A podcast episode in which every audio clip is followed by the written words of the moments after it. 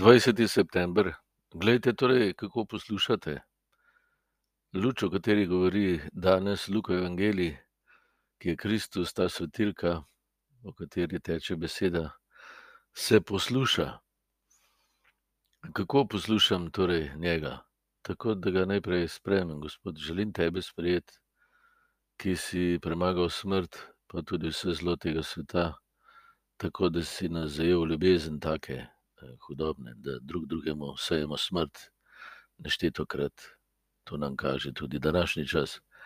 No, ti eh, si nas pa sprejel v svoje telo. Eh, rekonstrukcija Jeruzalemskega templa, Jeruzalemskega templa je za kristjane tvoja smrt in vstajanje. Vstajanje in smrt Jezusa Kristusa.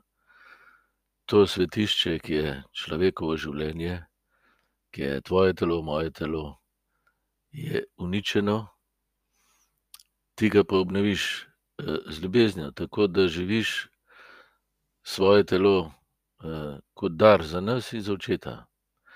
In mi smo, ki te poslušamo, če te sprejmemo, te potem tudi vedno bolj dojamemo, in smo del tvojega telesa, tvoje meso, del tvojega svetišča za ta svet da v nas tudi drugih lahko prepoznajo očeta.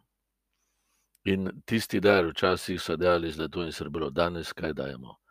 Same sebe uh, podarjamo, vate, ki si ostali Kristus.